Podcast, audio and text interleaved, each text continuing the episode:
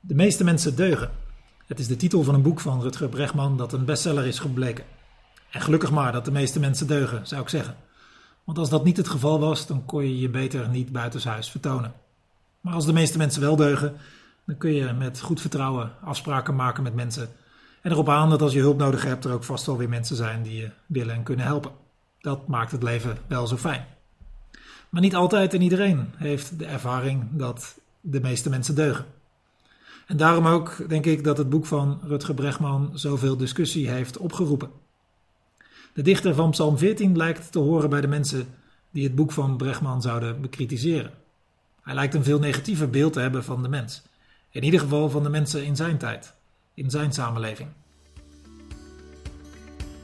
Welkom bij de Noorderlicht Rotterdam podcast. Een serie gesprekken over geloof en psalmverdiepingen, waarmee je aan de slag kunt in je eigen leven.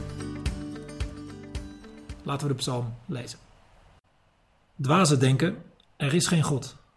Verdorven zijn ze en gruwelijk in hun daden. Geen van hen deugt. De Heer kijkt vanuit de hemel naar de mensen om te zien of er één verstandig is. één die God zoekt. Allen zijn afgedwaald. Allen ontaard. Geen van hen deugt, niet één. Hebben ze dan geen inzicht, die kwaadstichters? Ze verslinden mijn volk of het brood is en roepen de Heer niet aan. Nog even en hen overvalt een hevige angst, want God is met de rechtvaardigen. Lach maar om het vertrouwen van de zwakken. Hij vindt zijn toevlucht bij de Heer. Ach, laat uit Sion redding komen voor Israël. Als de Heer het lot van zijn volk ten goede keert, zal Jacob juichen, Israël zich verheugen. Psalm 14 begint in vers 1 met het neerzetten van een bepaalde categorie mensen. Een categorie waar het Bijbelboek Spreuken veel over zegt, maar die ook in de psalmen geregeld voorkomt. Deze categorie mensen worden dwazen genoemd. Een, dwaze, een dwaas is in psalmen of in het boek Spreuken niet iemand met een laag IQ, maar iemand die niet rekent met God. Vers 1 laat dat zien en benoemt wat zulke dwazen denken, namelijk er is geen God. Nu waren die dwazen hier geen mensen die na een oprechte zoektocht tot de conclusie waren gekomen dat er geen God bestond. Nee, de samenleving van toen was door en door religieus. Ze waren echt wel overtuigd van het bestaan van een God.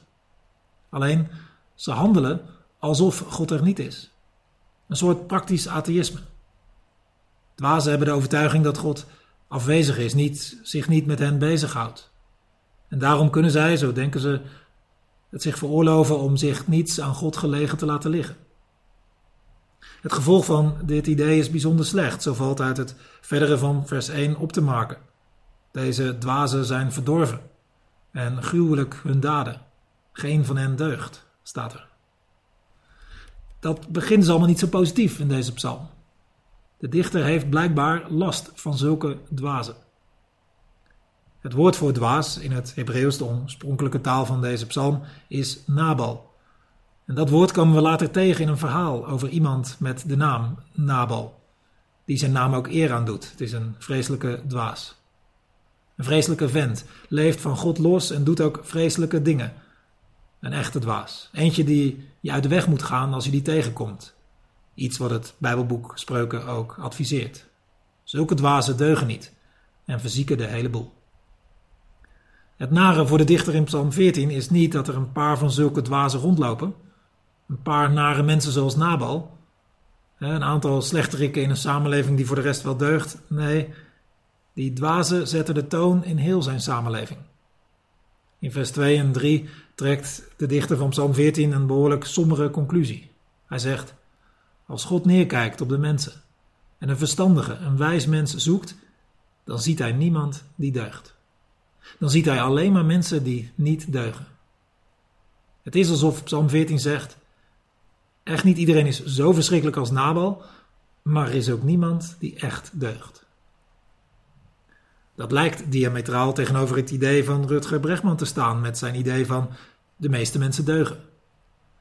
Maar dat is het misschien toch niet. Een jaar of wat geleden stortten er twee Boeings neer. En hoe de fabrikant ook beweerde dat de meeste Boeings deugden, ze moesten toch alle 400 aan de grond blijven. Want men ging ervan uit dat als er twee zomaar neerstortten, er toch ergens een probleem zat in die Boeings. waardoor het zomaar mis kon gaan. En zo zegt het bestaan van Nabal, of Epstein, of Weinstein, of denk maar aan een slechterik die je kent. Zulke mensen zeggen ons dat wij mensen een vermogen hebben om slecht te worden. Bijzonder slecht zelfs. Goddank wordt niet iedereen een Nabal, een Weinstein of Epstein. En goddank komen de meeste mensen nog niet eens in de buurt van zulke slechterikken. Maar in ons allemaal zit dat vermogen om slecht te worden. En als je jezelf kent, dan ken je dat slechte potentieel in jezelf waarschijnlijk ook wel. En in extreme omstandigheden zie je dat zulk potentieel ook zomaar naar buiten kan komen. Ik las pas een boek over Auschwitz, geschreven door een overlevende. En de slechtheid van de mens komt je op elke bladzijde tegemoet. Zelfs mensen die op zich deugen, gaan soms over tot de vreselijkste dingen om maar te overleven. En dat vermogen tot dwaasheid, tot slechtheid, kan blijkbaar geactiveerd worden. Ik denk bij ons allemaal, als de omstandigheden of God het niet zouden verhoeden. Hoe somber de dichter van Psalm 14 ook is over de goedheid van de mens, die in zijn ogen altijd beperkt is, toch heeft hij niet alleen maar een zwarte bril op. In vers 5 heeft hij het opeens over de rechtvaardigen. Dat is ook een categorie mensen die je veel in de boeken spreuken en psalmen tegenkomt. Dat zijn de mensen die wel rekenen met God en het goede doen en het goede zoeken. Los van het feit of hen dat nu wat oplevert of niet. Het zijn de mensen van God, hier ook wel Gods volk genoemd. In de tijd van de dichter van Psalm 14 is deze categorie een minderheid. En ze hebben het zwaar. Zwaar te verduren ook in die samenleving van toen, want de dwazen lopen over hen heen en maken hen het leven moeilijk. Vers 4 gaat daarover. Maar zo concludeert deze Psalm 14 hoopvol: die dwazen met hun verzet tegen God en het goede, die zullen doodlopen. Ze zullen schrikken, zegt vers 5. Een hevige angst zal hen overvallen als ze merken dat God met die rechtvaardige is. God is er wel, zullen ze ontdekken. Niet bij hen of met hen, maar bij die rechtvaardige. Daar houdt God zich op. Die groep rechtvaardigen, die minderheid, die in vers 6 de zwakke wordt genoemd, God is daar. Nog steeds trouwens. Als je God kwijt bent, ga dan om met de rechtvaardigen. Daar heb je goede kans dat je God zult opmerken. Die minderheid van rechtvaardigen lijkt in de tijd van Psalm 14 niet veel voor te stellen, maar God is met hen. En bij die God kunnen ze ook altijd terecht, zegt vers 6. En daar zullen eens die dwazen tot hun schrik achterkomen. En daarmee zegt Psalm 14: dwazen die niet rekenen met God lopen dood. Maar rechtvaardigen, hoe zwak ze misschien ook zijn, die wel rekenen met God, zij lopen niet dood. Zij kunnen zelfs in de grootste nood ergens terecht. Bij God, waar ze veilig zijn. Na deze zes meer beschouwende versen komt de dichter tenslotte met, met een wens, een gebed.